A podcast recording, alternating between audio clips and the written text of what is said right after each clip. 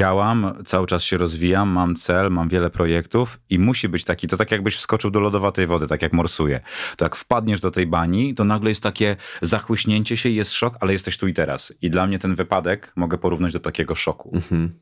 Nagle zwijam się z bólu, leżę, nie mogę stanąć na nodze i mówię, o kurka, było tyle rzeczy do robienia, a w ułamku sekundy to się zmienia. Nawet patrzyłem sobie na telefonie, 7.27 jeszcze trenowałem, a 7.32 leżałem już na glebie i się zwijałem z bólu. Mówię, Cześć. Nazywam się Mateusz Brela i witam Cię w moim podcaście Champions Way. Audycja o psychologii sportu i nie tylko. Jest mi niezmiernie miło, że chcesz ze mną kroczyć tą mistrzowską drogą.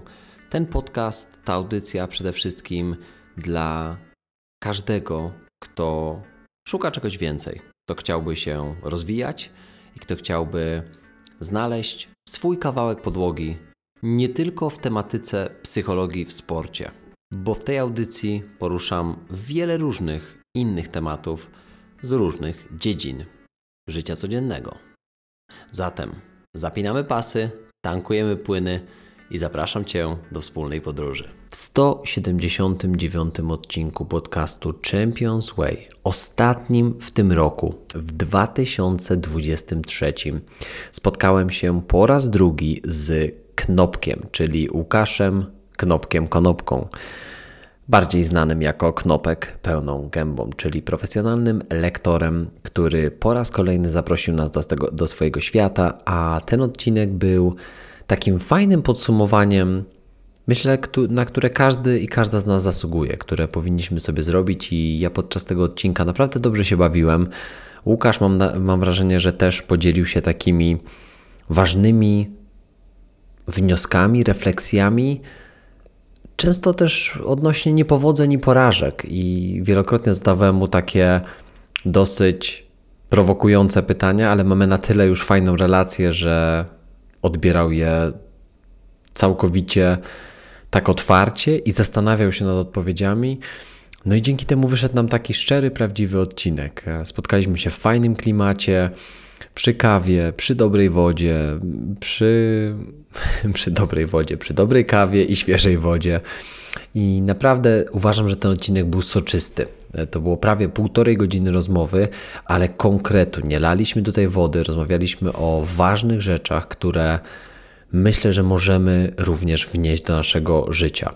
Dlatego zapraszam do tego odcinka i takim miłym akcentem podsumowującym, myślę, że w fajnym klimacie udało się stworzyć ten ostatni odcinek 2023 roku i z pewną nostalgią żegnam ten rok, bo to był naprawdę dobry rok dla tego podcastu, dla mnie osobiście trudny, ale wartościowy. Przepraszam.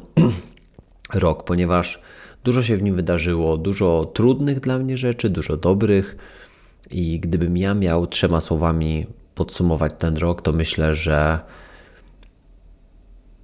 trud, zmiana i rozwój. To byłyby takie trzy elementy, które, które w ten rok w jakiś sposób zbierają w całość. Myślę, że tego, czego bym więcej chyba chciał od siebie, to pewność, spokój i chyba jeszcze więcej tego rozwoju, o którym mówiłem. I, i w taki sposób też szykuję się do tego roku 2024. Po raz ostatni już w tym roku zachęcam Cię do wystawienia adekwatnej oceny na Spotify, komentarzy. Oczywiście jestem otwarty na jakiekolwiek pytania, które macie do mnie. Czasem te bardziej pozytywne komentarze, czasem te krytykujące, one też w jakiś sposób stawiają na nogi, także, także po prostu piszcie prawdę, to co, to co czujecie. I po raz ostatni w tym roku możecie również e, postawić mi wirtualną kawkę na stronie Buy Coffee 2. To jest taka cegiełka do, do między innymi właśnie tworzenia takich odcinków jak dzisiaj, gdzie spotkaliśmy się z Łukaszem w studiu, wynająłem, wynająłem je jako, jako część właśnie tej pracy podcastera. No i w taki sposób też właśnie wykorzystuję te środki, które otrzymuję od Was na stronie Bajkofitu. Także zapraszam serdecznie i dziękuję tym, którzy do tej pory mnie wspierali. Dzisiaj wspólnie wypijamy kawę z Martyną, z Grześkiem, z Grześkiem, z Grześkiem i jeszcze na koniec z Remkiem.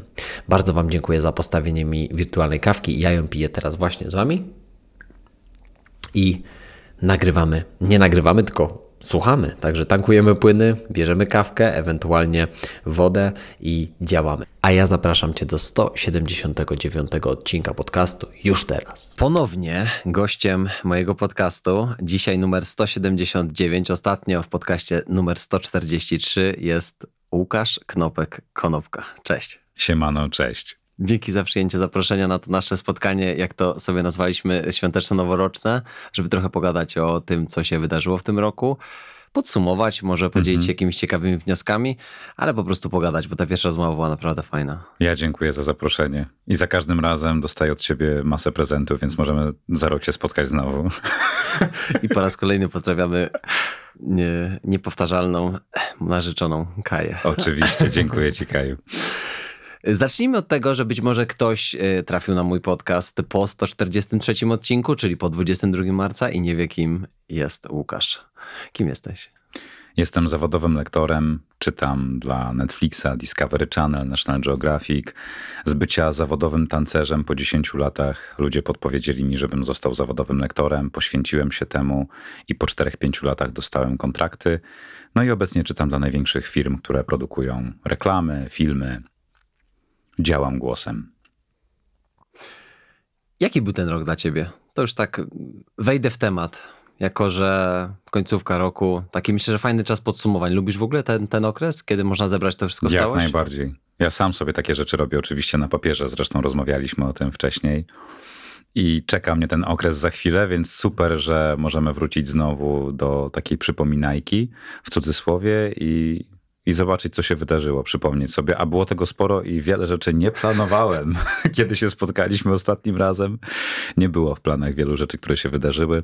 A jak to się mówi, Pan Bóg się śmiał z Twoich planów. Dokładnie tak. Mimo wszystko dużo wniosków, dużo wniosków i, i do przodu. Dobra, to tak. Ja ostatnie dwa odcinki nagrywałem o tym, jak podejść do postanowień noworocznych, jak sobie wyznaczać cele, ale również w nich powiedziałem, że dobrze jest zamykać ten rok w, w odpowiedni sposób, żeby, żeby podsumować, wyciągnąć jakieś refleksje. Jak Ty to robisz?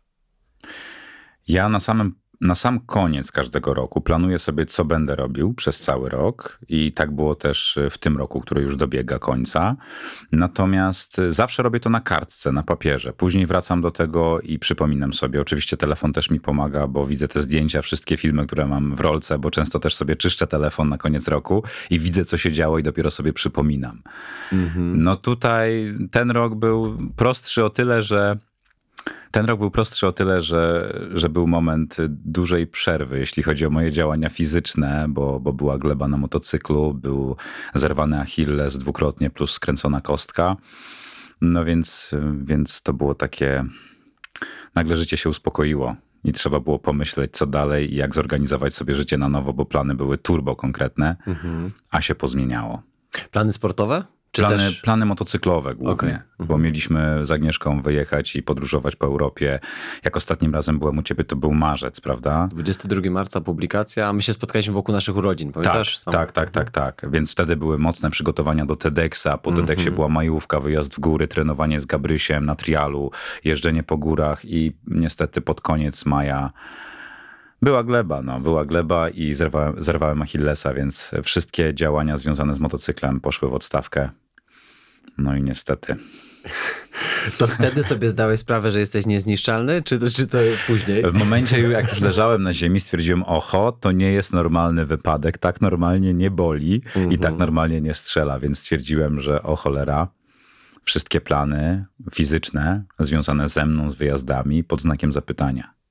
I tak naprawdę po dwóch tygodniach doszło do mnie, że, że stało się to i i musiałem odpisać wszystkim tym, z którymi byłem umówiony, że no nie dam rady, nie pojadę. Myślałem, że pojadę we wrześniu, bo to był końcówka maja mm -hmm. i mhm. że wyjedziemy z Agnieszką wrzesień, to mówię, nie ma sprawy, poszedłem na rehabilitację, operacja pierwsza się udała, no ale jak to czasami bywa w odwiedzinach u szwagra, po miesiącu ponad z groszami była gleba w toalecie, poślizgnąłem się, nie miałem walkera na nodze, no i niestety znowu myślałem, że, się, myślałem, że tylko się tam coś naciągnęło, ale w sierpniu się okazało już na finalnym takim spotkaniu, no, że jest drugi raz niestety zerwany, zerwany Achilles i trzeba zrobić reoperację, która odbyła się we wrześniu.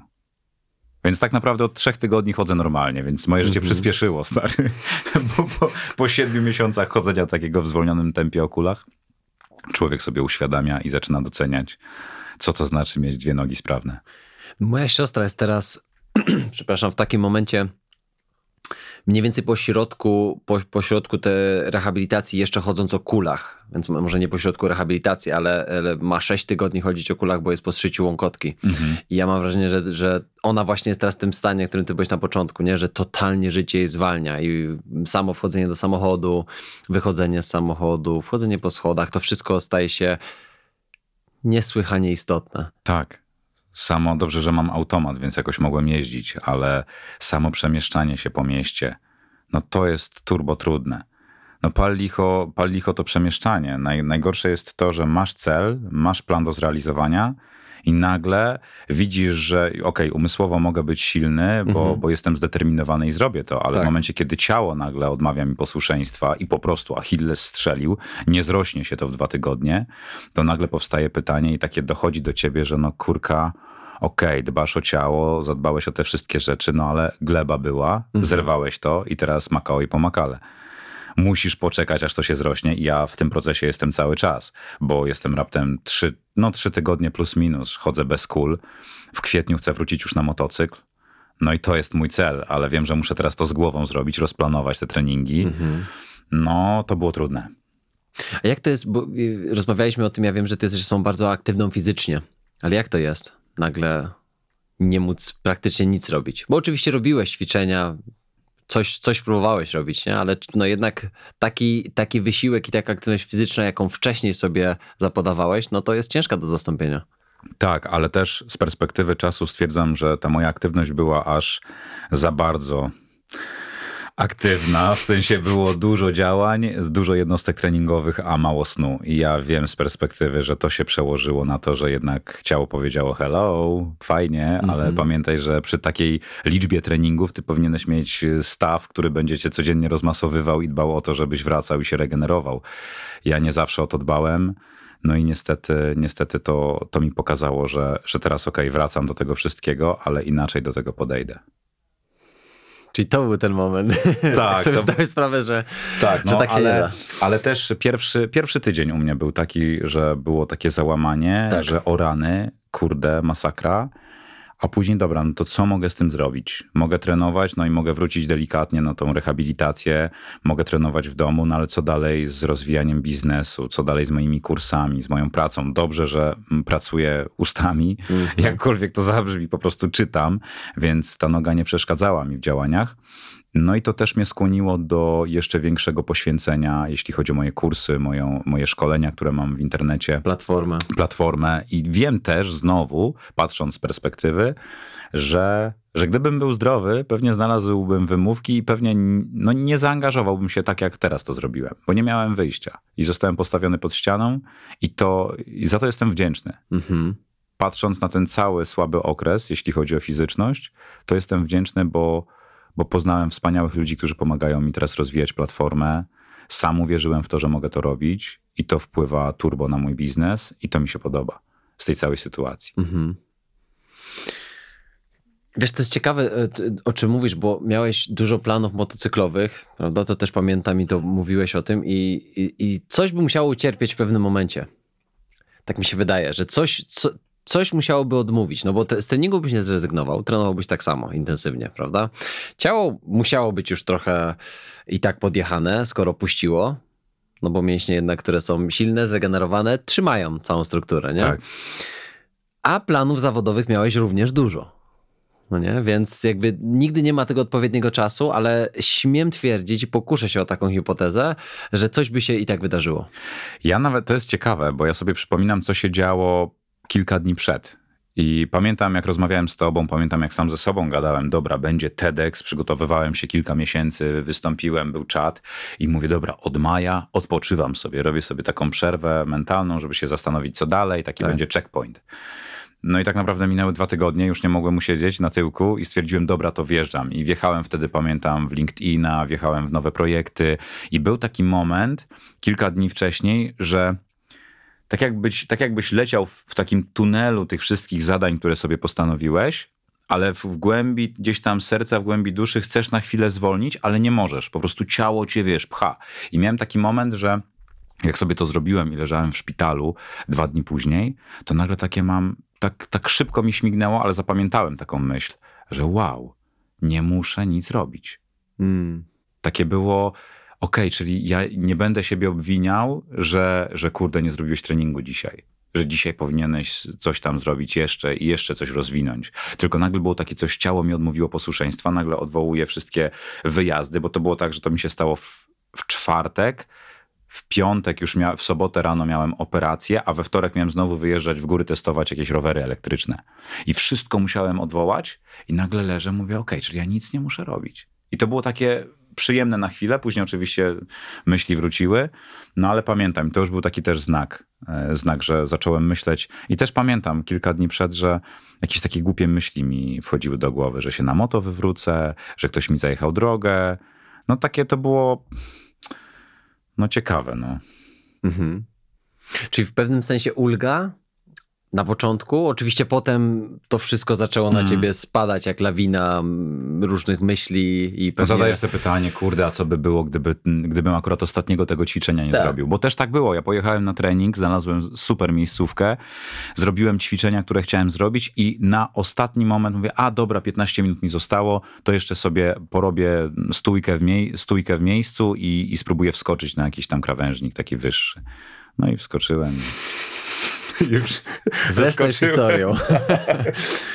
No, ale to jest coś w tym, nie? Że zazwyczaj na tych ostatnich powtórzeniach coś się dzieje.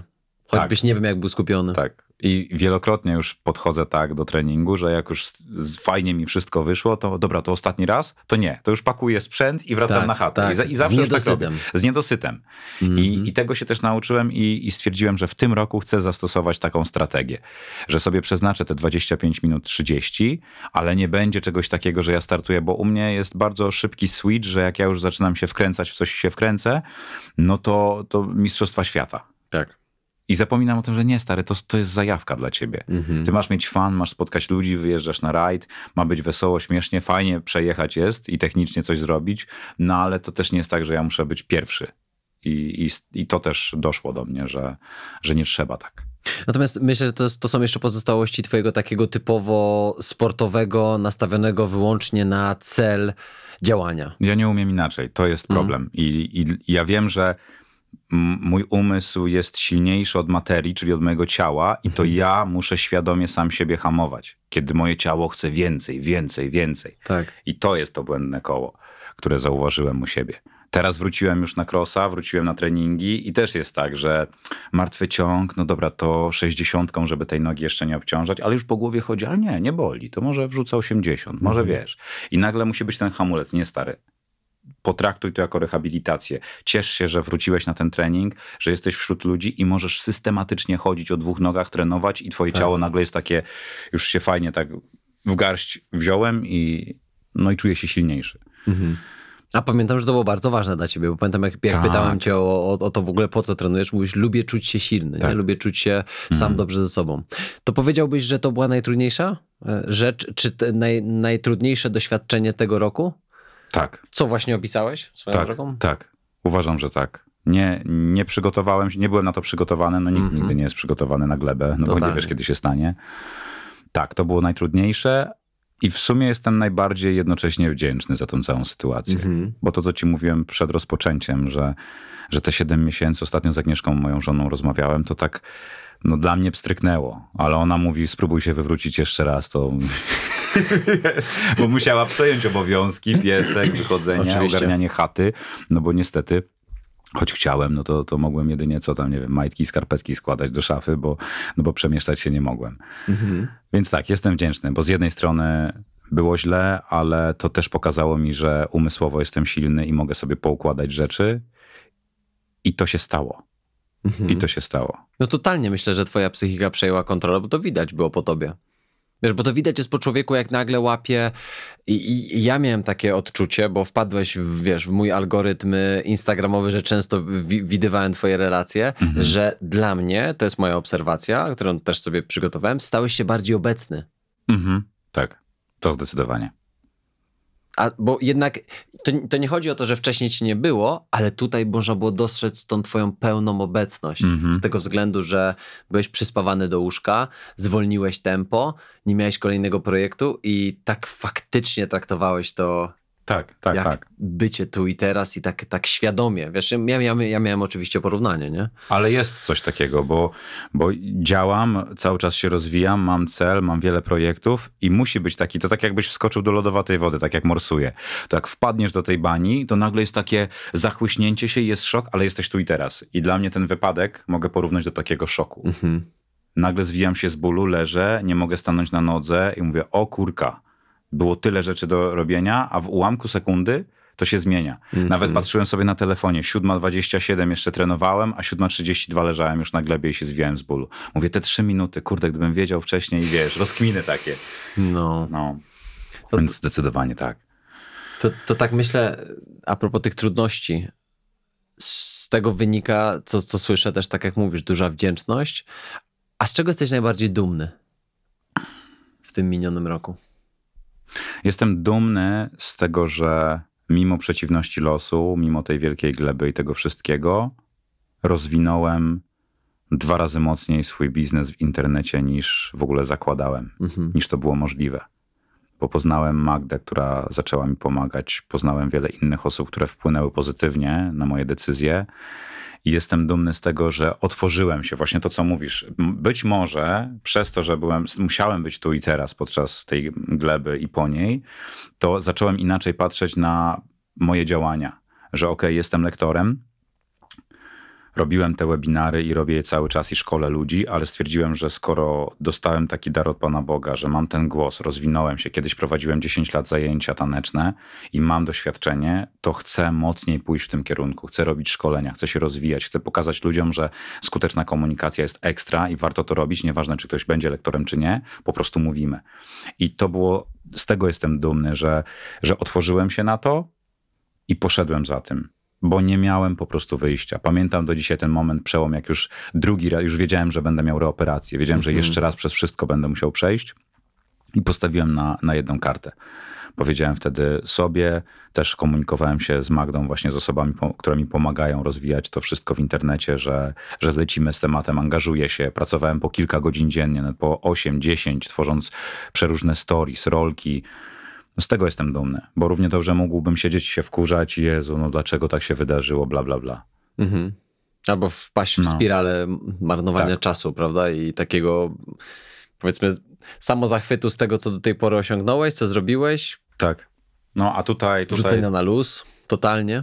I fajne jest to, że, że mimo tej całej sytuacji odpocząłem. Mhm. No i też, tak jak mówiłem ci na ostatnim spotkaniu, że marzyłem o tym, żeby być na TEDxie, no to nie wiedziałem, że to się spełni w tym roku dwa razy, bo Dwukrotnie. we wrześniu jeszcze wystąpiłem na TEDxie T-Mobile i to był czat. To był czat. Ostatnio, wczoraj miałem też pokaz mm, w Wieruszowskim Domu Kultury i turbo, no było ponad 300 dzieciaczków.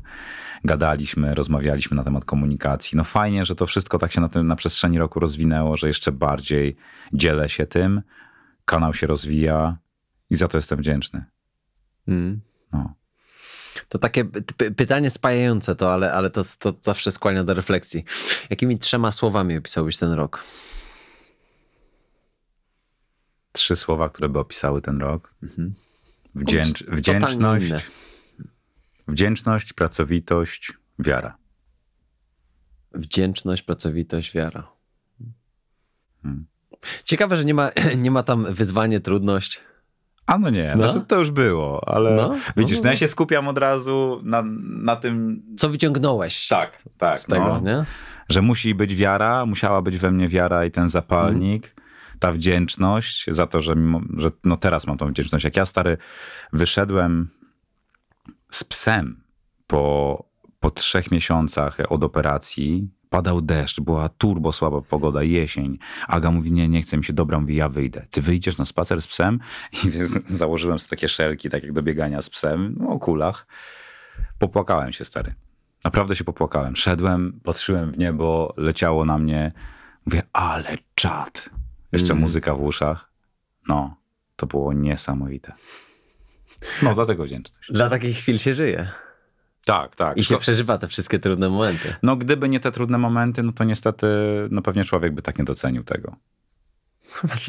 Dlaczego tak jesteśmy skonstruowani? Właśnie to jest nie? dziwne, nie? Tak, tak. No, to jest, to jest ciekawe. Że mam wrażenie, że, że im częściej tworzysz tego typu doświadczenia, tym bardziej się do tego zbliżasz. Mhm. Ale mimo wszystko nie wiem, czy z perspektywy właśnie naszej konstrukcji jesteśmy w stanie dokładnie to poczuć bez stracenia tego. Kiedy, kurde, czytałem piękną taką książkę, taką pisaną wierszem. Co to był? Prorok. Nie wiem, czy to mm, Kali Gibran, Mhm. czy Kali Nie Gibran. czytałem, ale kojarzę. I tam było właśnie o smutku i o radości. I tam fajnie było opisane to i pokazane, jak jedno bez drugiego nie może funkcjonować. Że, że przychodzi ta fala smutku, przychodzi ten trudny okres Mhm. i musi, jak przyjdzie później ten dobry, a przyjdzie, to dopiero człowiek doświadcza tego, bo gdyby było tylko jedno, no to bez smutku nie doświadczyłbyś radości. Mhm. Nie? No, takie fajne tam, spłuciłem to strasznie, ale, ale turbo, turbo mocno tam jest to napisane. Podeślę ci to. Podeślij, proszę. Kilka odcinków temu nagrywałem solo, y, solo wersję odcinka o tym, czy powinniśmy, tak zatytułowałem ten odcinek roboczo, czy, czy powinniśmy być zawsze szczęśliwi.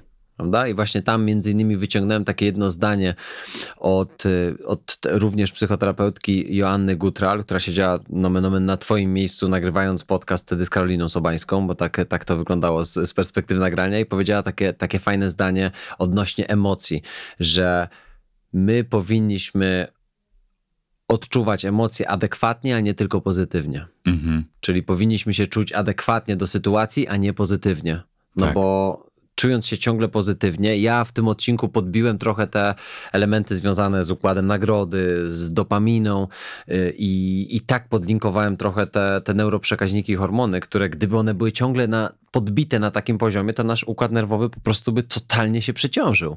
No to, też to było, to było za, za ciężkie dla nas do funkcjonowania, bycie ciągle szczęśliwym. Ale to też to, o czym kiedyś rozmawialiśmy, przyzwyczajenie. No my się bardzo szybko przyzwyczajamy. Tak. Marzyłem o najnowszym motocyklu, sprawiłem go sobie i po trzech latach stwierdzam, wchodzi kolejny i w głowie już się czai, kurde, a może by zmienić? Przecież to było moje marzenie życia. Mówię, jak sobie go kupię, to już nie potrzebuję żadnej innej rzeczy. Mhm. I to uważam, że to jest kurde połączone i, i trzeba właśnie być tu i teraz, żeby nie wpaść w spiralę tego konsumpcjonizmu, żeby Mhm. nie było stale, że ja potrzebuję więcej, więcej. I ta gleba moja uświadomiła mi to, że ostatnio właśnie mówię, dobra, chodzę znowu, trenuję. Za chwilę będę jeździł na motocyklu. Mówię, mam wszystko. Mhm. Jeszcze w trakcie tam operacji kupiłem sobie wymarzony samochód 31-letniego Jeepa. Tak. I, I to jest czat. I mówię, nie potrzebuję nic więcej. Nie? Jest Agnieszka, mamy super relacje, jest Boston. No Piesek. wdzięczność. Piesek, tak, tak, tak. Tak, tak. I wiesz, i teraz jak, jak, jak o tym mówisz, to, to właśnie mam takie poczucie, że, że w momencie, kiedy jesteś w stanie odroczyć gratyfikację, czyli być cierpliwym, to to jest taki mały kroczek do tego, żeby dać sobie to, o czym ty mówisz. Bo teraz kupienie sobie czegoś szybciej da ci ten szybki strzał dopaminy i szybki strzał radości i szczęścia. Natomiast to tak jak po wzięciu narkotyku, nie? Zaraz chcesz więcej. Dlatego na Mhm. przykład heroina jest taką nie powiedzieć niecenzuralnie, ale jest taką suką po prostu, Tak. bo ona na początku daje ci taki high, Mhm. jakiego nigdy w życiu nie doświadczyłeś. To mniej więcej y, heroiniści, którzy albo ludzie, którzy y, y, próbowali heroiny, Mhm. porównują to mniej więcej do orgazmu razy tysiąc. Wow. I teraz to jest jedyny raz, kiedy czegoś takiego doświadczasz. Bo jak weźmiesz za drugim razem, to już nie będziesz miał takiego. Nie aż tak. Nie aż tak. No i co robisz? Dążysz do tego, żeby było tak jak za pierwszym razem. co się nigdy nie wydarza. A w pewnym momencie dążenie przestaje być tylko poszukiwaniem tego, żeby odczuć ten high, ale po prostu musisz uniknąć zespołu odstawienniczego. Mhm. I to jesteś totalnie w dupie wtedy. No tak, I to jest coś takiego, nie? że jak konsumujesz, tak. to chcesz więcej. Ale to też można przełożyć na trening, nie? Bo to właśnie i na, na wiele płaszczyzn w życiu. Bo ja też tak tego doświadczam, że zrobiłem super trening, wyszło mi, to chcę więcej. Mhm. Przejechałem trasę, która wydawała mi się turbo trudna, to mówię, dobra, już nie będę stawiał wyżej poprzeczki, bo jak będzie gleba, to naprawdę będzie, będzie źle. No ale przychodzi ten moment, że a, tutaj wyszło, to może i tu wyjdzie. I to się tak przekracza. Mhm. A jak w głowie jednak e, lubisz adrenalinę, a od tego można się uzależnić. Ja wiem, że jestem uzależniony od tego. Natomiast no to widzisz, to, ta, to tu i teraz. To jest receptą moim zdaniem na to wszystko. No i regularne reality checki swojego mhm. życia. Tak. To jest coś, co prawdopodobnie ciebie czeka w najbliższym czasie. W takim tak. sensie, żebyś sobie, żebyś sobie przypadkiem nie zapomniał o tym, nie? To... Ja, ja, zauważyłem, przepraszam, że w słowo ci Proszę. wejdę, ja też zauważyłem, że wielokrotnie były momenty w moim życiu, że się stawałem niewolnikiem swoich decyzji. Hmm. Niewolnikiem swoich mm, celów, które sobie założyłem. I z perspektywy, powtarzam się, często mówię, używam tego stwierdzenia w tym odcinku, ale tak, ten czas dał mi możliwość zrozumienia tego. Że podjąłem decyzję, że były te rajdy, przygotowanie, były te wszystkie rzeczy i tak byłem przygotowany. I tak mógłbym sobie pojechać na takim poziomie, jakim mógłbym, przejechałbym, nic by się nie stało, nie byłoby obciachu. Ale przez to, że w głowie mam takie coś, że jak już podejmuję, to wiesz, motogodziny muszą się zgadzać, wszystko rozpisane, ogień. I później stwierdzam, że no dobra, no ale i tak po kici, nawet jakbyś miał zgarnąć ten medal, no to po co ci on? Przecież tu chodzi o coś więcej, tu chodzi o coś innego. No i w tym roku to jest też moim celem. Zresztą jak byłem na, na jednym takim spotkaniu hmm, z psycholożką taką, to ona mi powiedziała, że Łukasz mówi, przy takim zestawie cech, jakie ty masz, to spróbuj sobie dać za cel odpoczywanie. Spróbuj sobie dać za cel zrobienie treningu na 70%, mhm. na 60%. I ja też skumałem to, że no faktycznie w sumie trening nie musi za każdym razem boleć.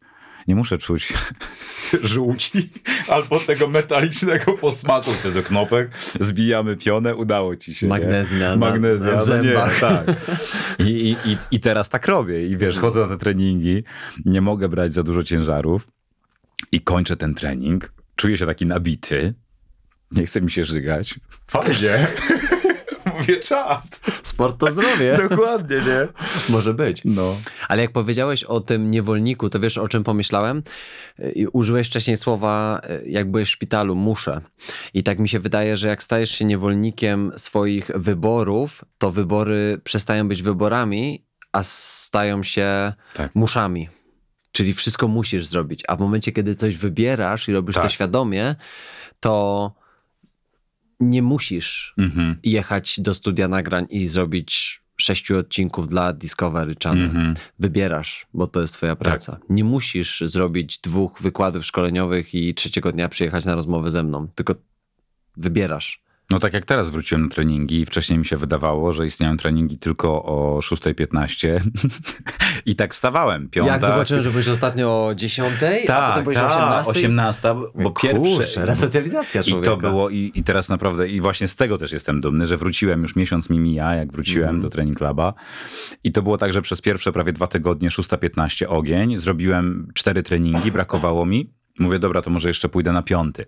Odpuściłem Mówię, zrobiłeś cztery jednostki treningowe w tygodniu, daj sobie chill. Mhm. I po dwóch tygodniach też był taki moment, że już, za, już czułem zmęczenie o poranku. No bo jednak przed świętami chciałem też spędzić czas z Agnieszką, jeszcze była przeprowadzka, jakieś rzeczy związane z chałupą. No i kładłem się o tej dwunastej, czasami w pół do pierwszej. No i tak chyba raz czy dwa razy zrobiłem, że przespałem pięć godzin i budzę się, wiesz, zes, nie, dobra, rozgrzewkę trzeba zrobić, wrzucić na Instagram, wszystko, idę na trening, gorąco mi, raz mi zimno.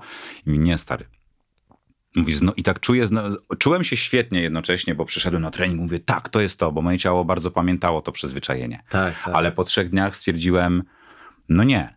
Patrzę, mówię, są treningi na dziewiątą. Mówię, wyśpię się jutro, pójdę mhm. na 18.30. I zacząłem to praktykować i w ogóle wpadłem na pomysł, że od nowego roku właśnie chcę tak robić, że będę sobie wstawał bliżej szóstej. Mhm. Pierwsze te dwie godziny, dwie i pół będę poświęcał na social media, na ogarnianie swoich rzeczy, które mam do ogarnięcia i na dziewiątą na przykład na trening. I dzięki temu mogę sobie przesunąć dobę i czas, że położę się o tej 23 w pół do 12 i nie będę miał później wyrzutów sumienia, bo Aga sobie smacznie śpi do 8, a ja robot muszę wstać, bo sobie postanowiłem, że wstanę. Tak. A propos tego niewolnictwa. No więc tak, to tu i teraz i ta cała sytuacja też mi to pokazała, że od przyszłego roku mogę to zmienić mhm. i nie muszę aż tak cisnąć.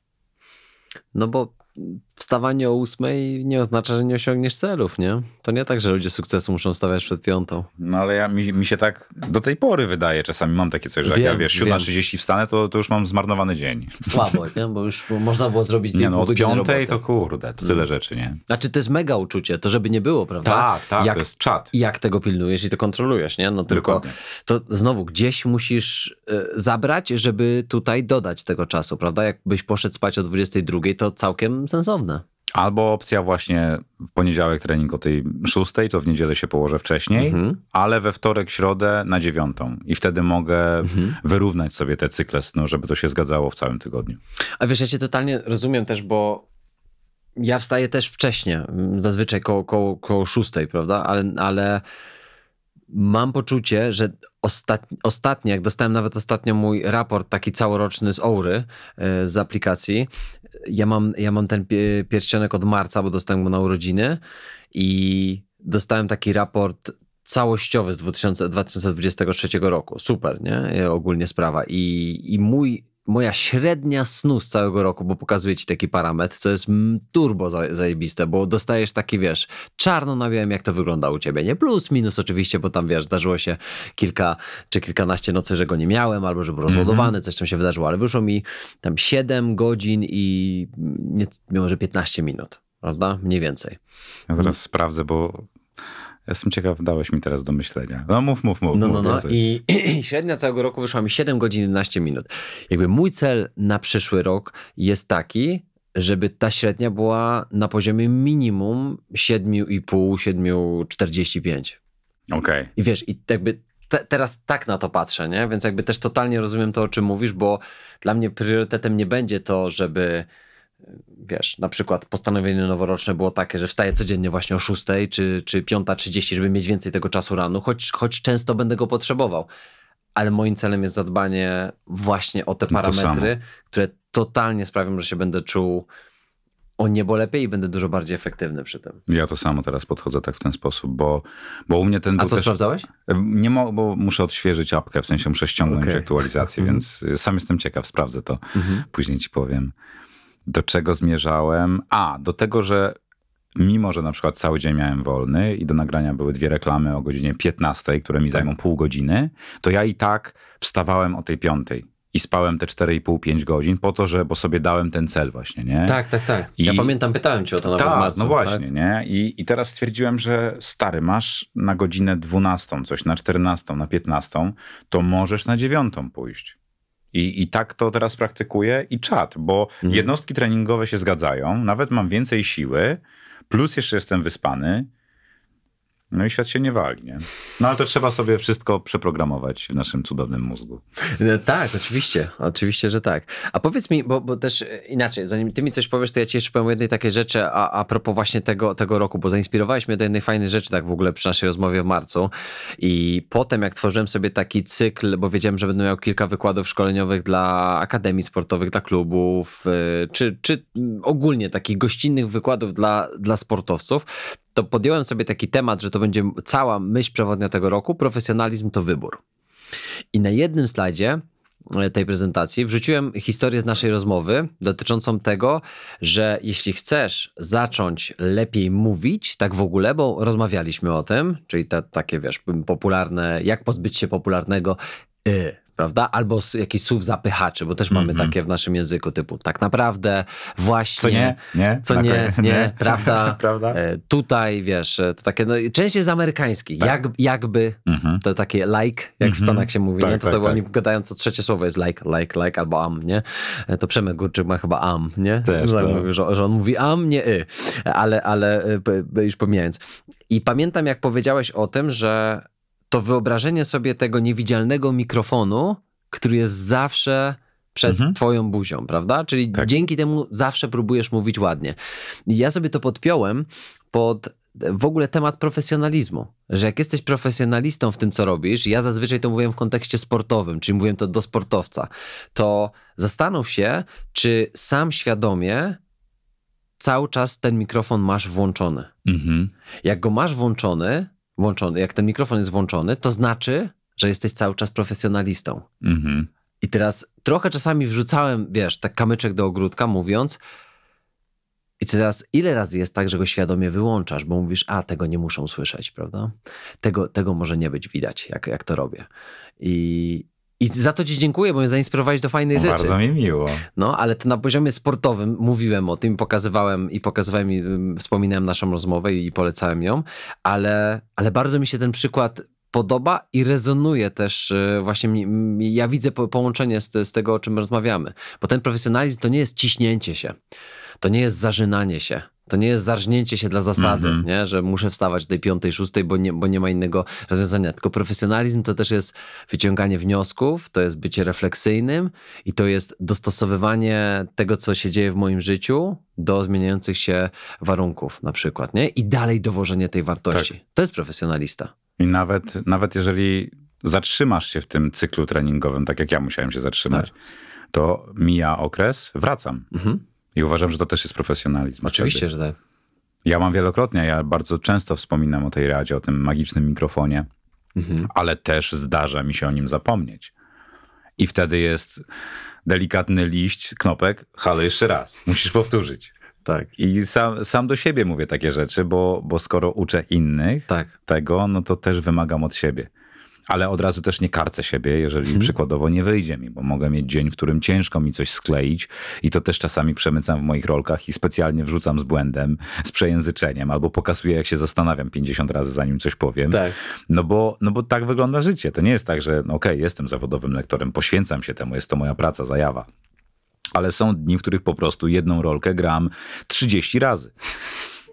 I, i, I uświadamiam ludzi na ten temat, że, że można, że i to nie znaczy, że jestem gorszy. To znaczy, że dzisiaj po prostu jest taki dzień. No. Totalnie.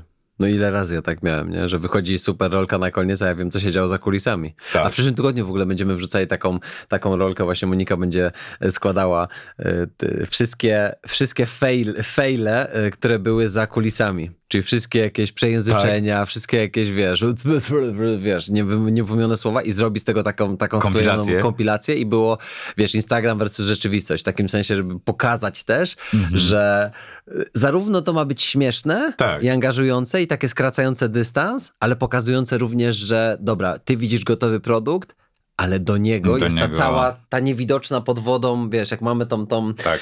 tą bryłę lodu, całą, prawda, tą, tą, tą piramidkę, to widzisz tylko wierzchołek góry, Mhm. prawda? Reszta, czyli cała praca bardzo, bardzo często jest schowana. Ale ja sobie też to ostatnio uświadomiłem, jak bardzo mocno zaangażowałem się w tworzenie kontentu na social media i nagrywałem mnóstwo rolek, bo wiedziałem, że jak będę miał reoperację, to chcę ich nagrać załóżmy 20-30, żeby mieć w backupie i później będę je publikował. I to było fajne, że na początku miałem cel taki, że dobra, no, rozpisywałem sobie każdą rolkę, wiedziałem, co chcę powiedzieć, I ale stałeś się królem Asany. to swoją drogą. Kocham ten program.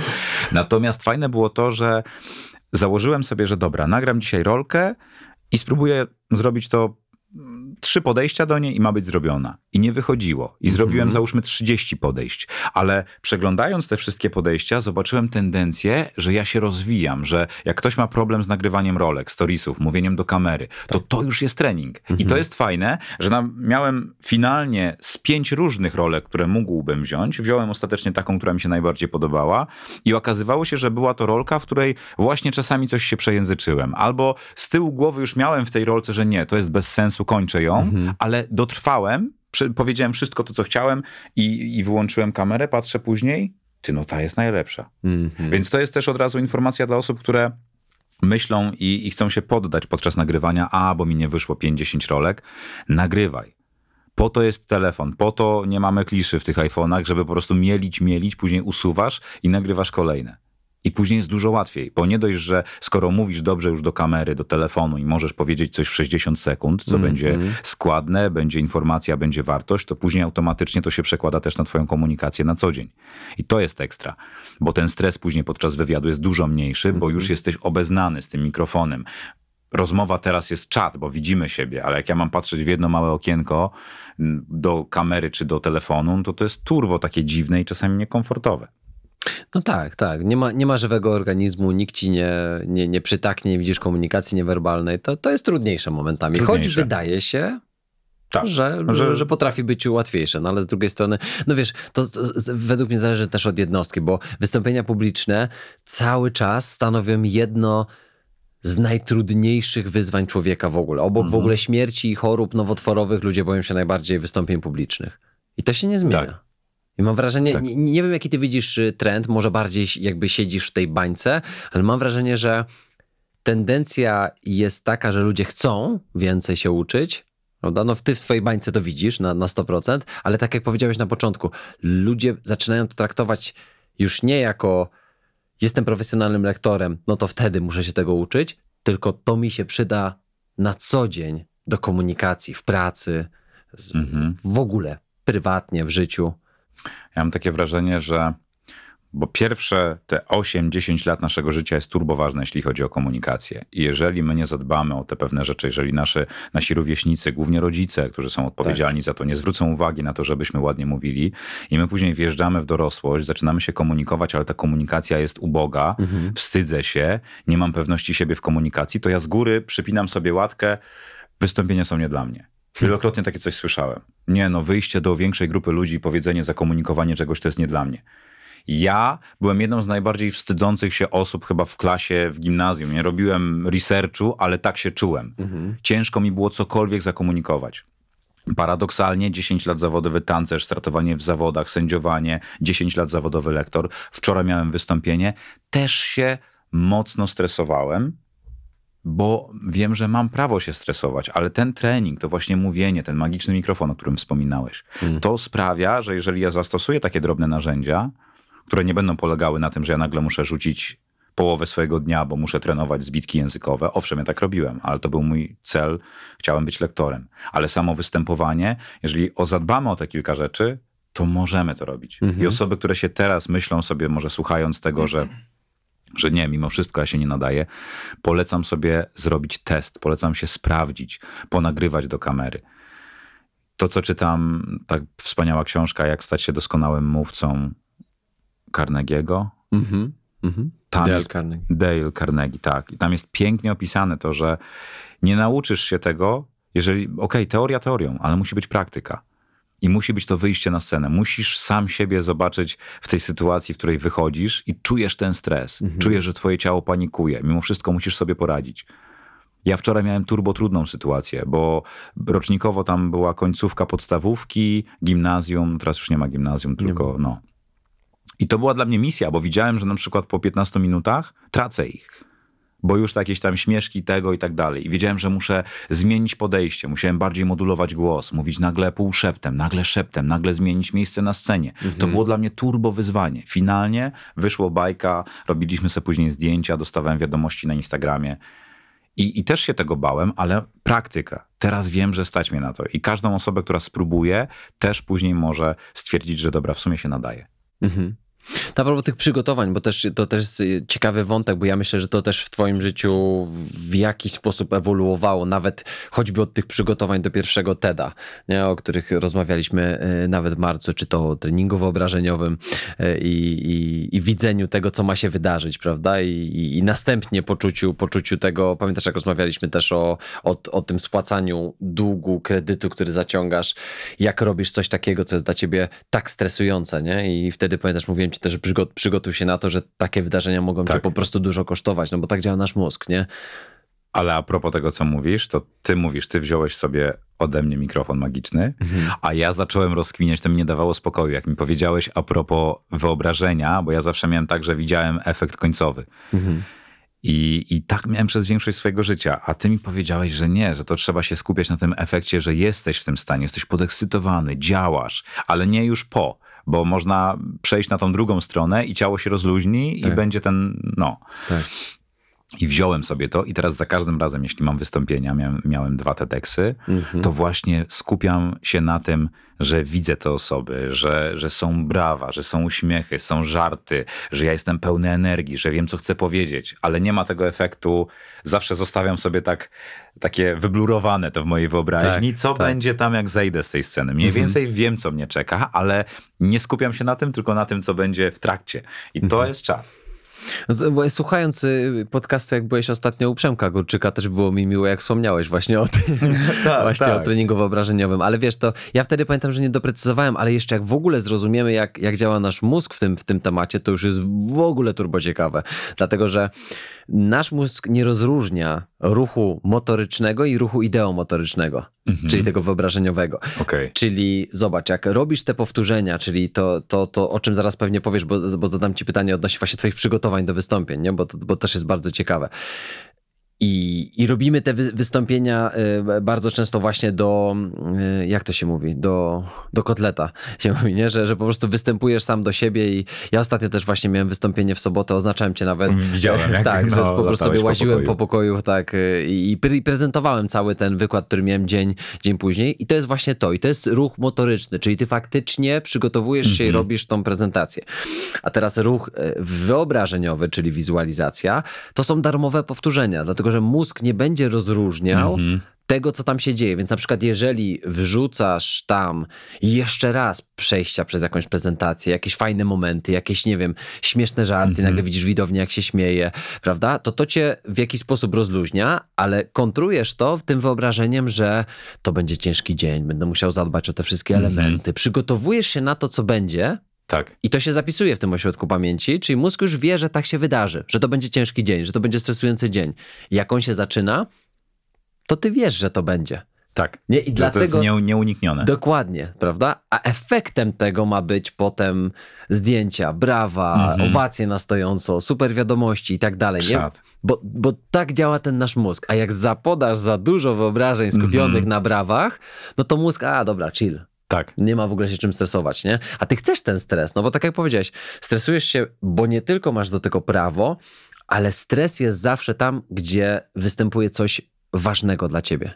W Mhm. momencie, kiedy się nie stresujesz, to zaczniesz się drapać po głowie i zastanawiać dlaczego. Tak. I na przykład ja tak miałem wczoraj, miałem wystąpienie przed grupą zawodników z, z Vive y, Kielce, to jest piłka ręczna, y, tacy chłopcy U18, U19 przygotowujący się do Mistrzostw Polski i jakby totalnie czułem spokój, lekkie napięcie jak wchodzili do sali, prawda, ale generalnie spokój. Ale to prawdopodobnie dlatego, że w ciągu y, tygodnia robiłem trzy szkolenia. No tak. Wiesz, no podobnej jest... tematyce. Tak, to już było takie, wręcz potraktowałem to rutynowo. Wiedziałem, że z tymi chłopakami mam trzy spotkania, mam trochę więcej czasu. Wiesz, jak masz jedno spotkanie godzinne, to, to tak jak na TEDzie, nie? Weź przekaż wszystko w te 18 minut. No, to jest misja. Mega wyzwanie, prawda?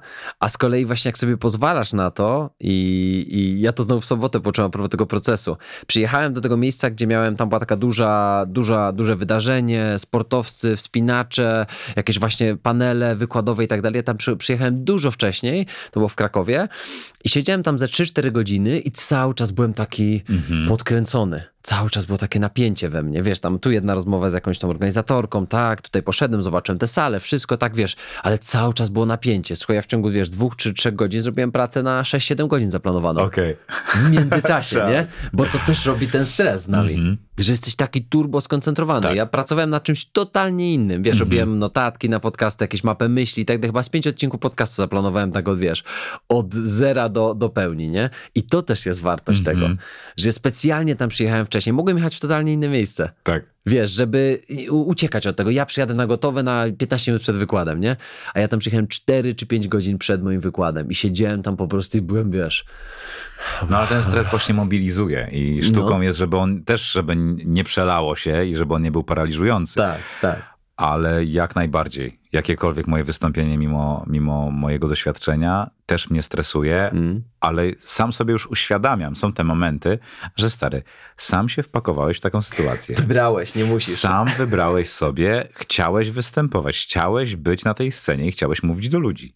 Przecież konsekwencją tego jest to, że jesteś w niekomfortowej trochę sytuacji, bo jesteś zestresowany, bo zależy ci, żeby dobrze wypaść. Może się podwinąć noga, nie musi, to zależy od twojego przygotowania. Ale tak, i jak sobie to uświadamiam i że wiem, że sobie dam radę, bo, bo sam się w to wpakowałem, no to to jakoś idzie. Ale tak jak mówisz, to musi być przygotowanie. Musi być konkretne przemyślenie tego wszystkiego. No i ta rada, o której mówiłem ci przed chwilą od ciebie, żeby nie myśleć już tylko o finiszu. Bajka. Polecam. Polecam. Tak. To jest ta strona, to jest ta strona właśnie z samego podejścia. Mówiłeś o, o, ładnym mówieniu, prawda, że to warto zainwestować się w to i podaliśmy ten przykład choćby właśnie tego mikrofonu, prawda, czyli staraj się myśleć o tym. No dobra, teraz ta rzemieślnicza strona. Przygotowanie. Dokładnie, nie? czyli pokaż, pokaż nam jak ty od momentu, kiedy, kiedy pojawia się propozycja, dostajesz T-Mobile. TEDx, prawda? Tak, ja dużo, dużo myślałem na ten temat i ostatnio mhm. też to poruszałem podczas występów. Przede wszystkim musi być energia i pasja. I co to znaczy? Bo to są bardzo ładne słowa, ale nie każdy może skumać, no dobra, energia, pasja, no i co dalej? Mhm. Fajnie mhm. powiedziane, fajnie brzmi. Musi być to paliwo, dzięki któremu ja zorganizuję sobie każdy dzień następny do momentu wystąpienia, albo co drugi dzień, w zależności ile potrzebuję, na przygotowanie tego. Mhm. Czyli jeżeli ja mam temat, ktoś mnie zaprasza na TEDxa, to zanim ja się zgodzę, ja muszę się sam siebie spytać, Knopek, interesuje cię ten temat? Pasujesz do takiego wystąpienia? Jeżeli tak, to ja się zaczynam angażować. Okay. I każdej osobie polecam, że jeżeli ma coś zrobić, wystąpić, nagrać rolkę, poprowadzić webinar, cokolwiek, to jeśli temat interesuje, to to już jest połowa sukcesu. Bo jeżeli mnie coś interesuje, to ja się zaczynam angażować i dlatego mówię o tej energii i pasji. Jeżeli ja mam energię i pasję, -hmm. to minuty przestają się liczyć, godziny przestają się liczyć, bo się angażuję. Jasne. Bo zaczynam sobie zadawać pytanie i właśnie z tej energii i pasji do tego tematu ja każdego dnia nie wysilam się, tylko ja sam myślę. Jadę gdzieś samochodem, idę na spacer z psem. Dobra, co jeszcze im przekazać? Mam widownię, tak jak był TEDx za pierwszym razem w maju. -hmm. Wiedziałem, że tam będzie dużo młodych osób, studenci, bo sami to organizowali. TEDx T-Mobile mobile, wiedziałem, że to jest inna grupa klientów. Mhm, biznesowy, prawda? Biznesowo, przedsiębiorcy i tak dalej. Mówię, jak, ja, w jaki sposób mam zmienić tę komunikację? I jak na samym początku jest ta energia, to się powtarzam, to za chwilę tworzę coraz więcej pomysłów. I mhm. z tych pomysłów zaczynam sobie kreować i wybierać. Wypisuję sobie wszystko na kartce, zapisuję w asanie. Później jak już to mam, to się zastanawiam, dobra, mam 18 minut albo tu mam występ na godzinę, no to te rzeczy sobie przełożę na ten występ na godzinę, jeżeli ja mam TEDxa 18 minut, to musi być naprawdę konkret, żyleta i to są takie pancze, takie wartościowe pancze i to nie jest też dobre czasami, no bo chciałbyś więcej przekazać i rozwinąć dany temat, bo potrzeba czasu więcej, żeby mhm. zrozumieć to, ale nie ma go. Więc sobie wtedy wszystko ładnie wybieram i wokół tego tematu krążę. Kolejna sprawa, która jest bardzo, bardzo fajne podejście do, do wystąpienia, do nagrania rolki.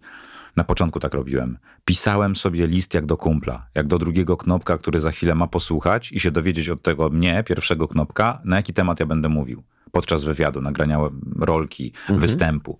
Jeżeli ja sobie to wszystko opiszę, swoimi słowami, no to ja mogę sobie to przeczytać. I to jest kolejne to rzemiosło.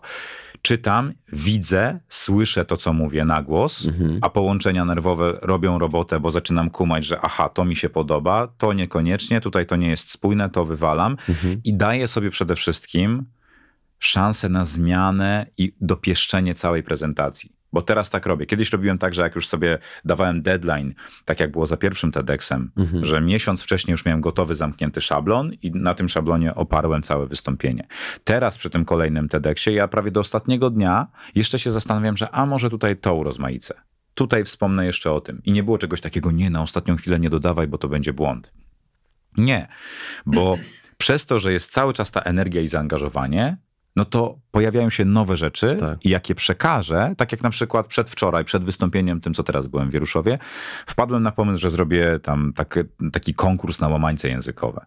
I to w ostatniej chwili dodałem do prezentacji jeszcze tego samego dnia rano. Dodałem, to wyszło fantastycznie. Uczestnicy byli zajarani, dostali po książce, no był czat. I mhm. gdybym, gdybym się trzymał tak mocno tego, tak hermetycznie, no to, to nie byłoby tych rzeczy, one by nie weszły w takie wystąpienie. Czyli to jest kolejna rzecz. Każde wystąpienie ma troszeczkę inne reguły. Tak. I warto, warto mieć to na uwadze. No i to, co mówisz, to, co robiłeś, czyli mówienie do ściany, do pieska, do żony, po prostu nagrywanie siebie, to daje później większą pewność bo warto sobie zrobić taki egzamin. Mhm. To, co też mówiłeś, występowałeś trzy razy z rzędu, nie pod rząd, to już mniejszy jest stres, no bo jesteś przyzwyczajony. Ja teraz jestem też na podobnym etapie, mhm. że ja mam prezentację i ja sobie, ja sobie zabieram te moduły niektóre i mieszam je. Dzięki temu ja wiem, co chcę powiedzieć i już aż tak bardzo nie muszę się przygotowywać. Jasne. To jest normalne, to jest super, no bo już mam powiedziane to tyle razy, że to jest już we mnie. Mhm. No więc taka moja recepta na tą rzemieślniczą stronę występu. Ale cieszę się, że o tym mówisz, bo był taki moment właśnie i to a propos tego, o czym powiedziałeś, że usłyszałeś od psycholożki na spotkaniu, e, to odnośnie treningów i, i tego wszystkiego. Miałeś jedną, pamiętam taki, taką relację na, właśnie na, na Instagramie, jak mówiłeś o tym, że, że jak masz to wystąpienie na, na TEDxie, to że mógłbyś spokojnie odgrzać kotleta i super, bo to był zarąbisty wykład, ale wiesz, ale nie, że sobie na to nie pozwolisz, że wiesz, musisz zacząć od nowa. Teraz jak to powiedziałeś wcześniej o tym spotkaniu, to pomyślałem sobie i też czas, czasami robisz pracę, nie? Że tak turbo się ciśniesz, Mhm. że, żeby, wiesz, w, przypadkiem w głowie, we własnej głowie nie było czegoś takiego, że obniżyłem standardy.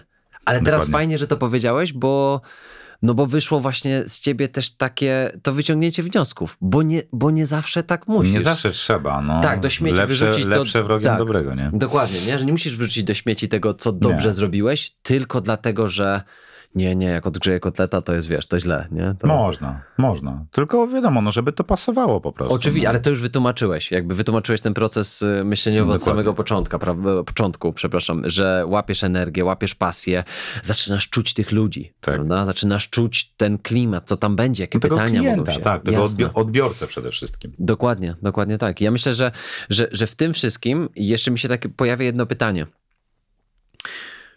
Nie wiem, czy to odczuwasz w taki sposób, może już nie, ale jak w takim razie odróżniasz strach w tym momencie, kiedy łapiesz te, te, to zlecenie, od faktycznie e, realnego niezainteresowania? Czyli masz projekt i myślisz sobie, a nie wiem, Rozumiesz, o co mi chodzi? Że zanim wejdziesz na, ten, na tą energię i pasję, to pojawia się bardzo często taki strach, niepewność, czy ja podołam. A jeżeli nie tobie, to mam wrażenie, że to jest powszechne. Czy ja dam radę? Czy ja się Nie, nadaję? miałem taki strach. Nie, jak sobie teraz przypominam, to y, marzyłem o TEDxie, Tak. dostałem możliwość, Mhm. zgodziłem się i był ten strach. Była te, ten brak wiary w siebie, że no dobra stary, masz te kursy, jesteś lektorem, opowiadasz o tym i o tamtym. No rolkę możesz nagrać 15 razy i se powtórzysz i wyjdzie ta najlepsza. Mhm. Przy TEDxie nie ma takiej opcji. Był ten strach. Natomiast też y, z, z, z tych 12 kroków, z tych moich książek, które sobie przeczytałem, jest coś takiego, że jak mnie coś stresuje, to co mówiłeś zresztą, Mhm.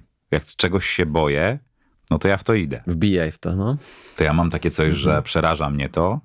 No dobra, z początku mnie przeraża. Tak jak miałem sytuację z drugim TEDxem. Dostałem informację, że mnie zapraszają, ale nie mam czterech miesięcy na przygotowanie, tylko panie Łukaszu miesiąc. Mhm. I, I poprosimy za, najlepiej za pięć dni opis całego wydarzenia i, i to, co będę miał. Nie? I teraz rany boskie, mówię, tydzień, miesiąc, mówię, przygotować się do czegoś takiego.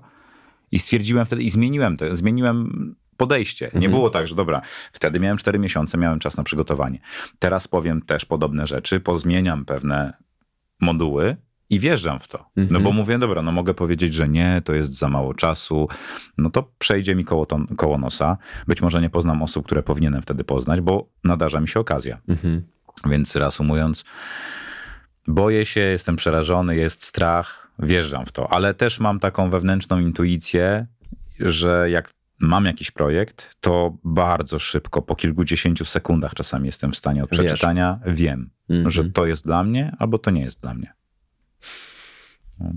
No to jest, to trzeba sobie wypracować. To, to nie, samo nie przychodzi, taka No intuicja. nie, Nie, nie. Musisz czuć, co, czego chcesz. Musisz zredefiniować swój, swój cel, swoją bardzo często właśnie taką personę, do kogo ty w ogóle mówisz, do kogo chcesz mówić, Tak. o czym chcesz mówić. Nie? I to tak się wydaje, no, no mam to, no przecież mam cel, mam misję, ale ja to sam też odkryłem do, dosłownie w zeszłym tygodniu, w piątek 15 mieliśmy spotkanie z, z moim małym zespołem, takie podsumowujące cały rok. Zrobiliśmy ćwiczenie, moja, moja, moja menadżerka, właśnie Marysia jest taką, taką turbo, ona jest znowu królową Asany E, I, i ona jest turbo taką właśnie fajną, zorganizowaną, kreatywną osobą i właśnie wymyśliła to ćwiczenie, persony. I rozpisaliśmy wartości tej persony, problemy, z czym się zmaga i wypisaliśmy właśnie chyba cztery czy pięć osobnych person, które są moim odbiorcą. Jak się okazuje, do każdej z tych pięciu person mój komunikat trafia, nie? bo one Mhm. mają podobne wartości, podobne problemy i szukają podobnych rzeczy w, w miejscu, w którym są teraz. Ale są po prostu na innych etapach swojego życia. Nie? I to tak znowu się, wiesz, scaliło i ja poczułem znowu taki ogień, jak zobaczyłem te problemy ich i Mhm. zobaczyłem to, czego poszukują, na przykład przychodząc Tak. do mnie, nie? czy słuchając podcastu, czy y, pojawiając się na social mediach, czy zapisując się na newsletter i tak dalej, prawda? I to było takie To odświeżające. dużo daje. Tak. Z Magda, jak przyjechała, która mi pomaga w marketingu Mhm. i w strategii do tego wszystkiego, to też przyjechaliśmy 6 godzin burza mózgów i ja myślałem, że ja znam swoją grupę odbiorców. Ja, ja znam swoich klientów, ich problemy, ich bolączki związane z komunikacją. I ona drążyła tak tematy, tak mi dziurę w brzuchu przysłowiowo wierciła, że ja wręcz aż, aż byłem zdegustowany tym, ale dzięki temu odkryłem właśnie problemy, te bolączki to, że ktoś właśnie wstydzi się powiedzieć coś, że ma problem, że, że ma to y, że nigdy nie nagrywał, a jak w ogóle rozgrzać aparat mowy. No, mnóstwo takich rzeczy wyszło na jaw. Podsumowaliśmy sobie to i automatycznie też się zmieniła później komunikacja. Mhm. I, I stwierdziłem, że nie chcę na przykład komunikować moich kursów tylko dla przyszłych lektorów, bo wiem, że są takie osoby, bo po to stworzyłem ten kurs na samym początku, Jasne. bo dużo osób się pytało, jak zostać tym lektorem, Mhm. no bo nie ma tego w książkach. To stwierdziłem, że nie, no, że dzięki tym kursom moim można też się nauczyć komunikacji, nawet jeśli nie idziesz w kierunku lektorstwa. Mhm. I gdyby nie Magda, ja bym tego nie skumał.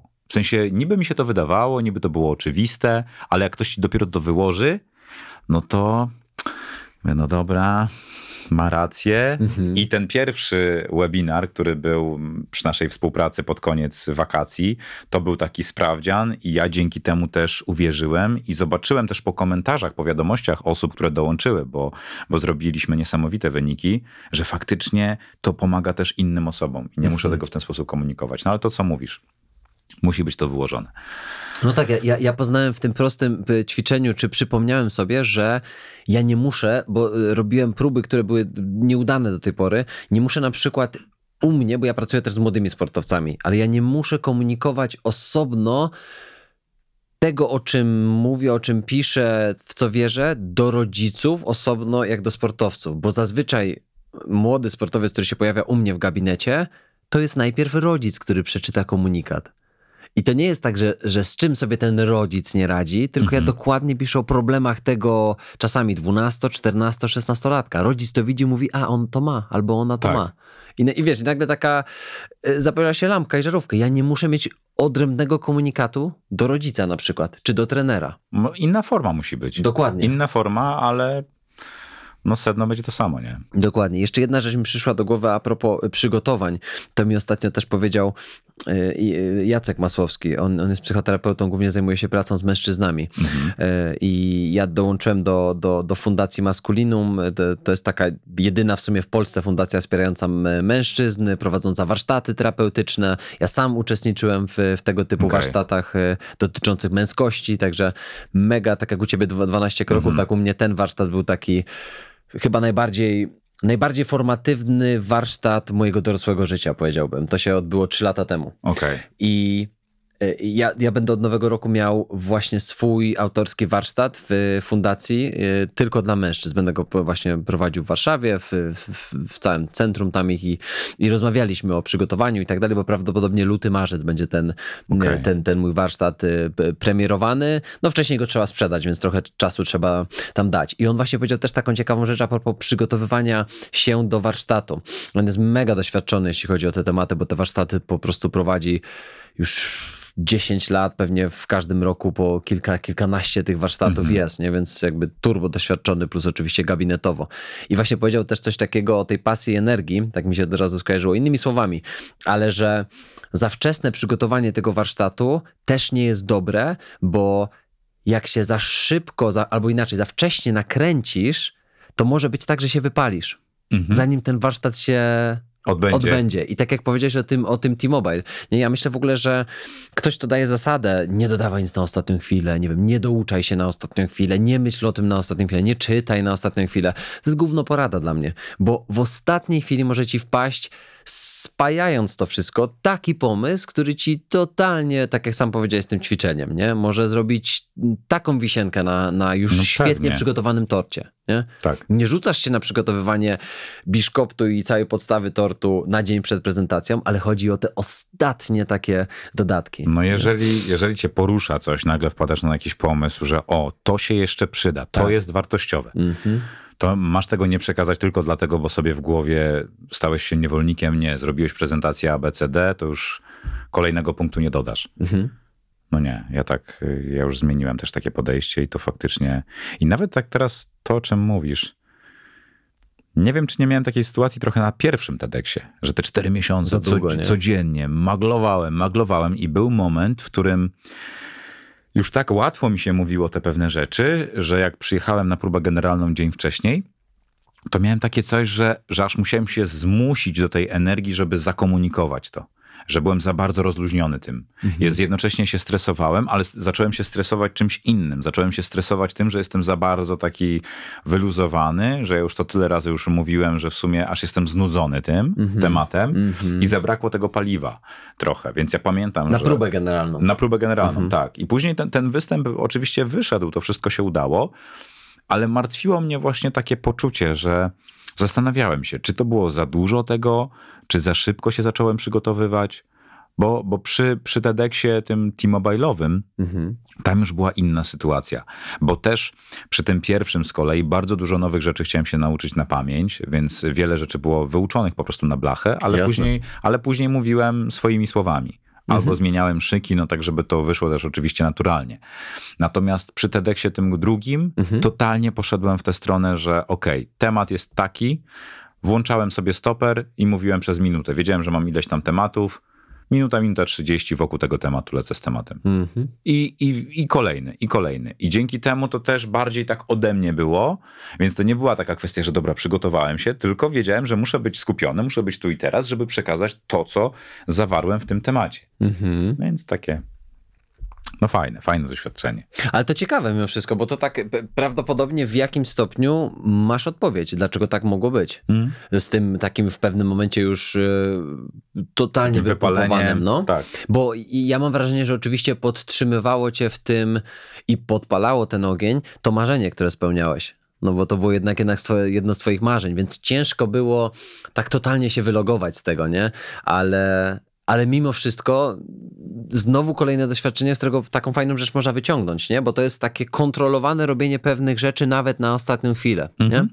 Czyli kontrolowane deadline w takim sensie, że już wiesz, że trzeba się za to zabrać. Tak. ja też lubię przygotować te tematy i wszystko wcześniej, ale faktycznie mam tak, jak, jak e, usłyszałem to wtedy od Jacka, że że bardzo często się wcześniej podpalam i, i wręcz właśnie muszę się cofać, muszę mhm. zrobić te kilka kroków w tył, żeby przypadkiem nie, nie przepalić. Tak.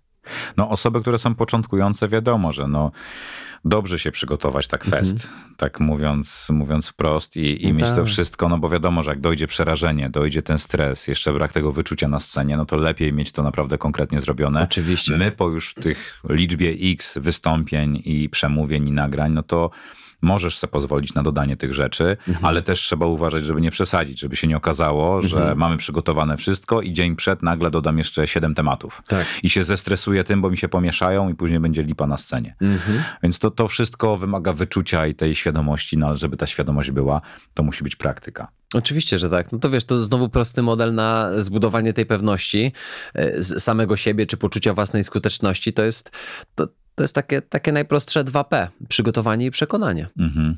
Jedno będzie stymulowało drugie. Prawda? Czyli przypomnienie sobie o tym, że jesteś, że możesz być przekonany o swojej skuteczności, bo jesteś przygotowany. A przygotowując się, zdobywasz to przekonanie, prawda? Czy któryś raz robiąc, robiąc prezentację do, do kotleta, mówisz, kurde, dobre, dobre. Wręcz żałuję, że to nie było wystąpienie na scenie. Tak. Nie? Dlatego ja mam teraz taki pomysł na przykład i też właśnie ta gleba, to wszystko, co było, to uziemienie w cudzysłowie, to, to mi dało taką możliwość, że jak zacząłem i miałem czas na czytanie nowych książek mhm.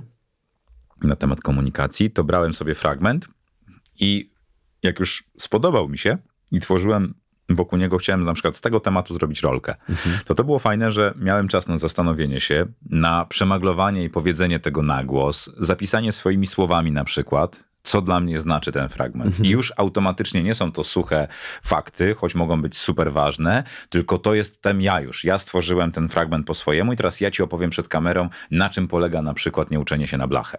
Mhm. I nie przekazuję tylko pięciu słów, które przeczytam tam pięciu zdań, tylko mówię to po swojemu. To też jest, to też jest fajne.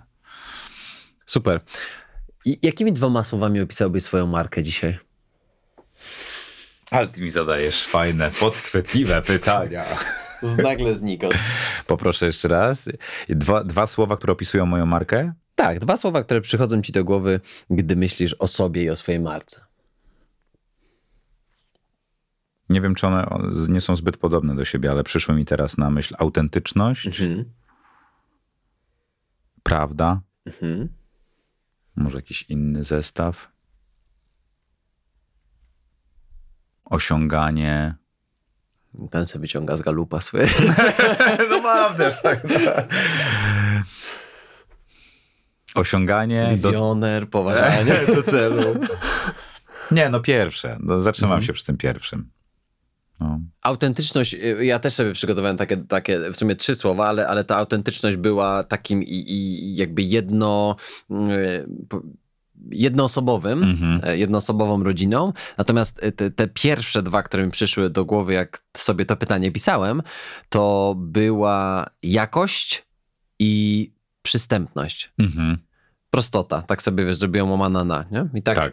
powiedzmy, ty, ty, jak, jak sobie wyobraziłem i jednak cię obserwuję już jakiś czas, to no to te dwa najpierw mi się po, połączyły, Mhm. nie? I tak, wiesz, bo jakoś to, to znowu jak te, mówił o tym trener Jacek Magiera, nie? Że, że, że, że w, polskim, w polskim słowniku są, są dwa bardzo bliskie słowa, e, bo jest tylko jedna litera, a, a w znaczeniu, jak, w jakości tego słowa mamy jakość i mamy jakość.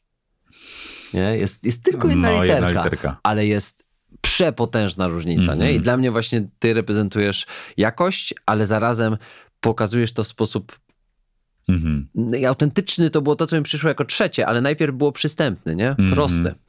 Że A ktoś... to tak, to w sumie i to też dużo osób zauważyło, jak, jak dostaję wiadomości, że w taki fajny, prosty sposób pokazałeś, jak można zadbać o głos. Mhm. Że to jest takie, to nie jest takie, wydaje się takie nieskomplikowane. Tak. No, masz rację. Fajne. No teraz mi się to skleiło. Mm. To a propos tych podsumowań. Tak. Po prostu to są takie fajne, fajne rzeczy, które jak, jak bierzesz pod uwagę jako, jako coś, co ci da wnioski, refleksje idąc do przodu, Mhm. no to, to ci otwiera naprawdę wrota przed, y, przed nowym rokiem. Dlatego uważam, nie, że, że te dwa kroki, które, które stawiamy, ja ci nie, chyba cię nie zapytałem konkretnie, jak robisz podsumowanie roku. Czy pytałem cię? Pytałeś mnie, to ci mówiłem po prostu, że na o kartce... zdjęciach, zapiskach, tak, zdjęcia, zapiskach. zapiski. Okej, okej. No. Y, To, to to jest pierwsza część. Druga, druga część, którą, którą ja, ja lubię i robię ją co roku y, i właśnie te, te, to potraktowałem o tym ten ostatni odcinek y, podcastu, który dzisiaj mamy czwartek. Wczoraj go opublikowałem. Mhm. Właśnie o refleksjach z podsumowania, prawda? Żeby pokazać taką drogę. I to są takie rzeczy, które z których na przykład byłem dumny, z który, które czułem, że wprowadziłem z zeszłego roku. Mało tego, jak teraz to robiłem, wczoraj nagrywając ten podcast, to miałem kartkę, którą stworzyłem rok temu Mhm. z refleksjami. I jakoś tak się złożyło, że w zeszłym roku napisałem 8 refleksji i w tym roku też napisałem 8 refleksji. Mhm. I wiesz, na przykład czytałeś Esencjalistę? Esencjalista chyba nie. Nie kojarzę. To, to y, a propos esencjalista, esenc, w ogóle filozofia esencja, esencjalistów? Esencjalistyczna? Nie wiem. Czy...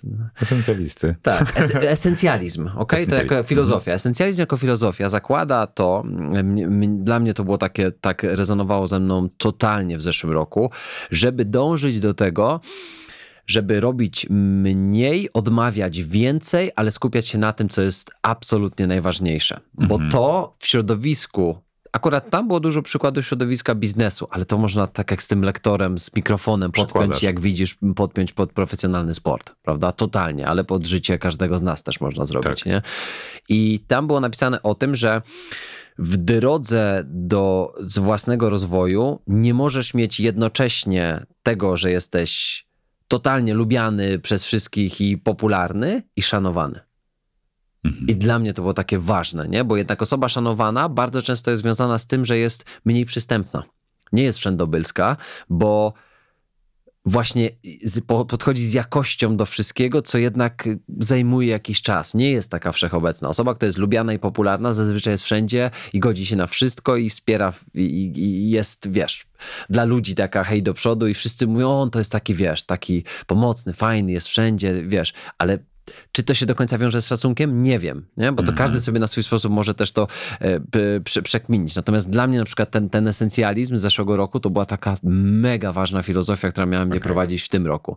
Jak sobie na to spojrzałem, właśnie w tym roku, to, to powiedziałem, wow, naprawdę tak było, że te refleksje, które wysnułem, one mnie prowadziły w tym roku.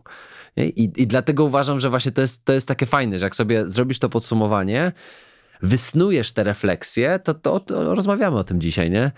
Trudności, wyzwania, z czego jesteś dumny. To jak potem to spiszesz w, w takiej formie takiej listy i odkopiesz to, ma, czy odkopiesz to, miejmy nadzieję, że będziesz to odkopywał regularnie. Nie, Tak, nie wracał tak, do wracać. No. No, ale to jest, to ma taką moc, jak spotkasz się znowu ze sobą za rok, przy tym i powiesz, wow, nie? To, to nie jest tak, że ja to tylko powiedziałem, a potem No zostawiłem. my tak, my ten, ten ostatni miesiąc jest taki właśnie wspominkowy bardzo zagą, bo się tyle wydarzyło rzeczy, że Mhm.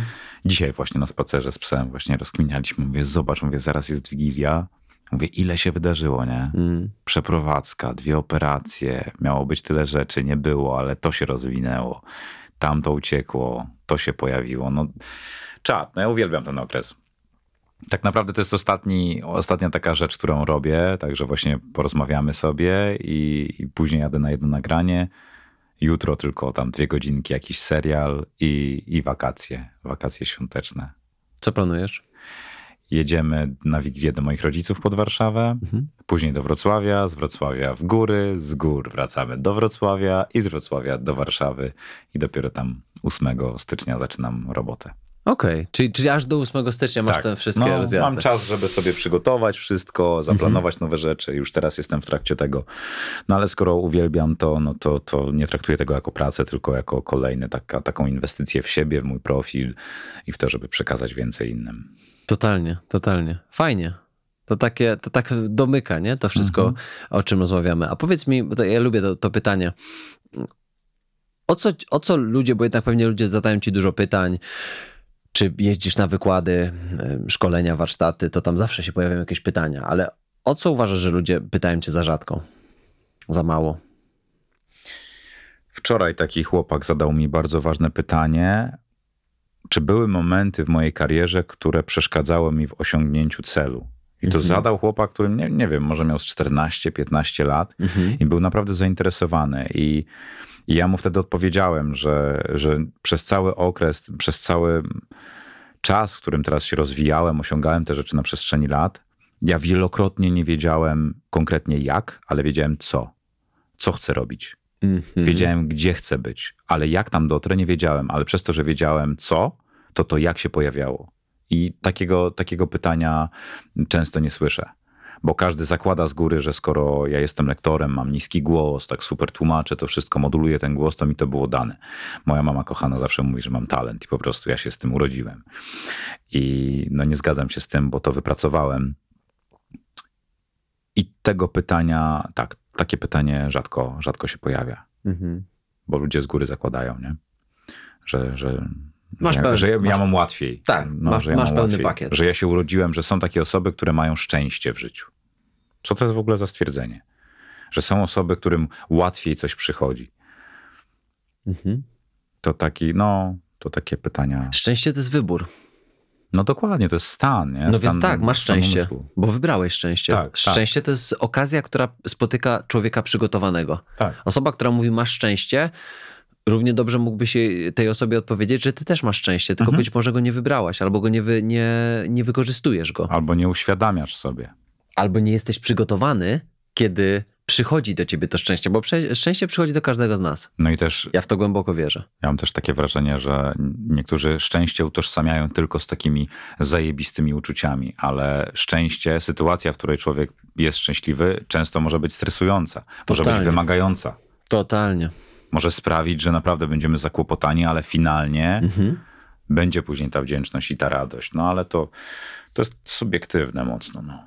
Jest, jest oczywiście, ale ja, ja nie lubię takiego stwierdzenia właśnie, że, że komuś pewne rzeczy się ciągle przydarzają, prawda? Albo że ktoś ma Tak. zawsze pecha. No to też jest poniekąd samo spełniająca się przepowiednia. Że To wszystko się bierze z głowy, no i z naszych przekonań. Z zaczynasz myśli. to wierzyć, nie? Po to Pan Bóg dał nam cudowny umysł, że no według wiary naszej nam się stanie. No i ja wierzę w to, że, że według moich działań, według tego, co robię, trafię na super ludzi i Mhm. ja wiem, że to przyciągam po prostu. Oczywiście, że tak. I to nie jest jakieś czary mary, tylko tak funkcjonujemy. Wiesz, zobacz z drugiej strony, na, na najprostszej rzeczy można się tak bardzo wy, wykolejać każdego dnia. Możesz po, podjechać na parking i mówić, nie, no ja to nigdy nie znajduję parkingu. Ja to nigdy nie znajdę parkingu obok budynku. Nie? I może być tak, że znajdziesz, a okej, dobra, no akurat widzisz, Mhm. dzisiaj fart, nie? A moja Kaja z kolei ma tak, że, że jak, jak jedziemy gdziekolwiek, dojeżdżamy do miejsca, w którym trzeba zaparkować, to ona mówi, prosimy o jakieś super miejsce blisko wejścia. Dziękujemy. I przyjaciółka zawsze śmieje, się z niej Tak. śmieje, że musisz na koniec powiedzieć dziękujemy. Zawsze znajdujemy miejsce. No, No i, i Pewnie. wytłumacz to jak chcesz. dokładnie. No, ale kwestia nastawienia. Oczywiście, że tak, nie? Tak. I to w pewnym sensie staje się twoją taką samo spełniającą się przepowiednią, bo ja wiem, że jak jestem z moją Kają, zresztą sam to też robiłem kilka razy i mi się sprawdziło, prawda? Ale jak jestem z moją Kają, to ja wiem, że my nigdy nie zaparkujemy daleko. A jak zaparkujemy gdzieś dalej, bo pokrążymy, to i tak znajdziemy to miejsce. Ja w ogóle ostatnio zaczęło mi wchodzić do głowy takie, takie stwierdzenie, sobie sam odpowiadam. Pojawia się jakiś projekt, jakieś tru, trudne zlecenie. I tak sobie albo wpadam na jakąś myśl, że chcę coś zrobić na przestrzeni nadchodzącego roku. I mam takie coś, że a czemu miałoby ci się nie udać? Staję sobie przed lustrem i sobie zadaję pytanie, Knopek, czemu miałoby ci się to nie udać? Mhm. Czemu nie ty? Czemu nie ja? Czemu przecież jeżeli zainwestujesz w to odpowiednio czas, czasami pieniądze, poświęcenie, energię, no ja tak uważam, że jeżeli ktoś się w 100%, 120% poświęca i działa, to jest nikła szansa, że ci nie wyjdzie. Mhm. Tylko musi być spełnione no, w końcu, prędzej czy później. I faktycznie, no, mówi się bardzo często prędzej czy później. No prędzej czy później dostałem pierwsze nagranie po czterech latach. To było trochę później niż prędzej, ale udało się. Tak. I tak samo jest z innymi rzeczami, które chciałem osiągnąć, mi się udało. No, są, pewne, są pewne cechy, te, są pewne działania, które korelują z, z, z czymś takim. Sumienność na przykład z Wielkiej Piątki tych cech osobowości jest jedną z tych cech, która najbardziej koreluje z przyszłym sukcesem. Tylko sumienność opiera się na powtarzalności, na systematyczności, prawda? na robieniu tych wszystkich rzeczy niezłomnie, często właśnie w obliczu zmęczenia i tak dalej. No to rozmawiamy cały czas o tym stresie, niepewności. To wszystko jest częścią tego, co na koniec dostajesz, nie? A propos talentu w ogóle, bo faktem jest, że na talent patrzymy tylko jednostronnie. Bo patrzymy tylko na te predyspozycje ge- genetyczne, ale talent to jest taka moneta, która też ma drugą stronę. I dla mnie ty masz talent. Mhm. Y, I to, i, to, I to jest ogromny talent, tylko predyspozycje genetyczne raz, a druga strona talentu opiera się na takich trzech czynnikach. Czyli potrafisz sam z siebie zainicjować działanie, czyli taka automotywacja, potrafisz podtrzymać to działanie, Okej. czyli nie rezygnujesz y, za chwilkę już po czasie i masz ten cel długoterminowy. To jest druga odsłona talentu. Tak gratyfikacja trochę, nie? I to Tak. wiem, że jak teraz poświęcę się i zaangażuję, to później będzie nagroda. Ale to jest talent. Okej.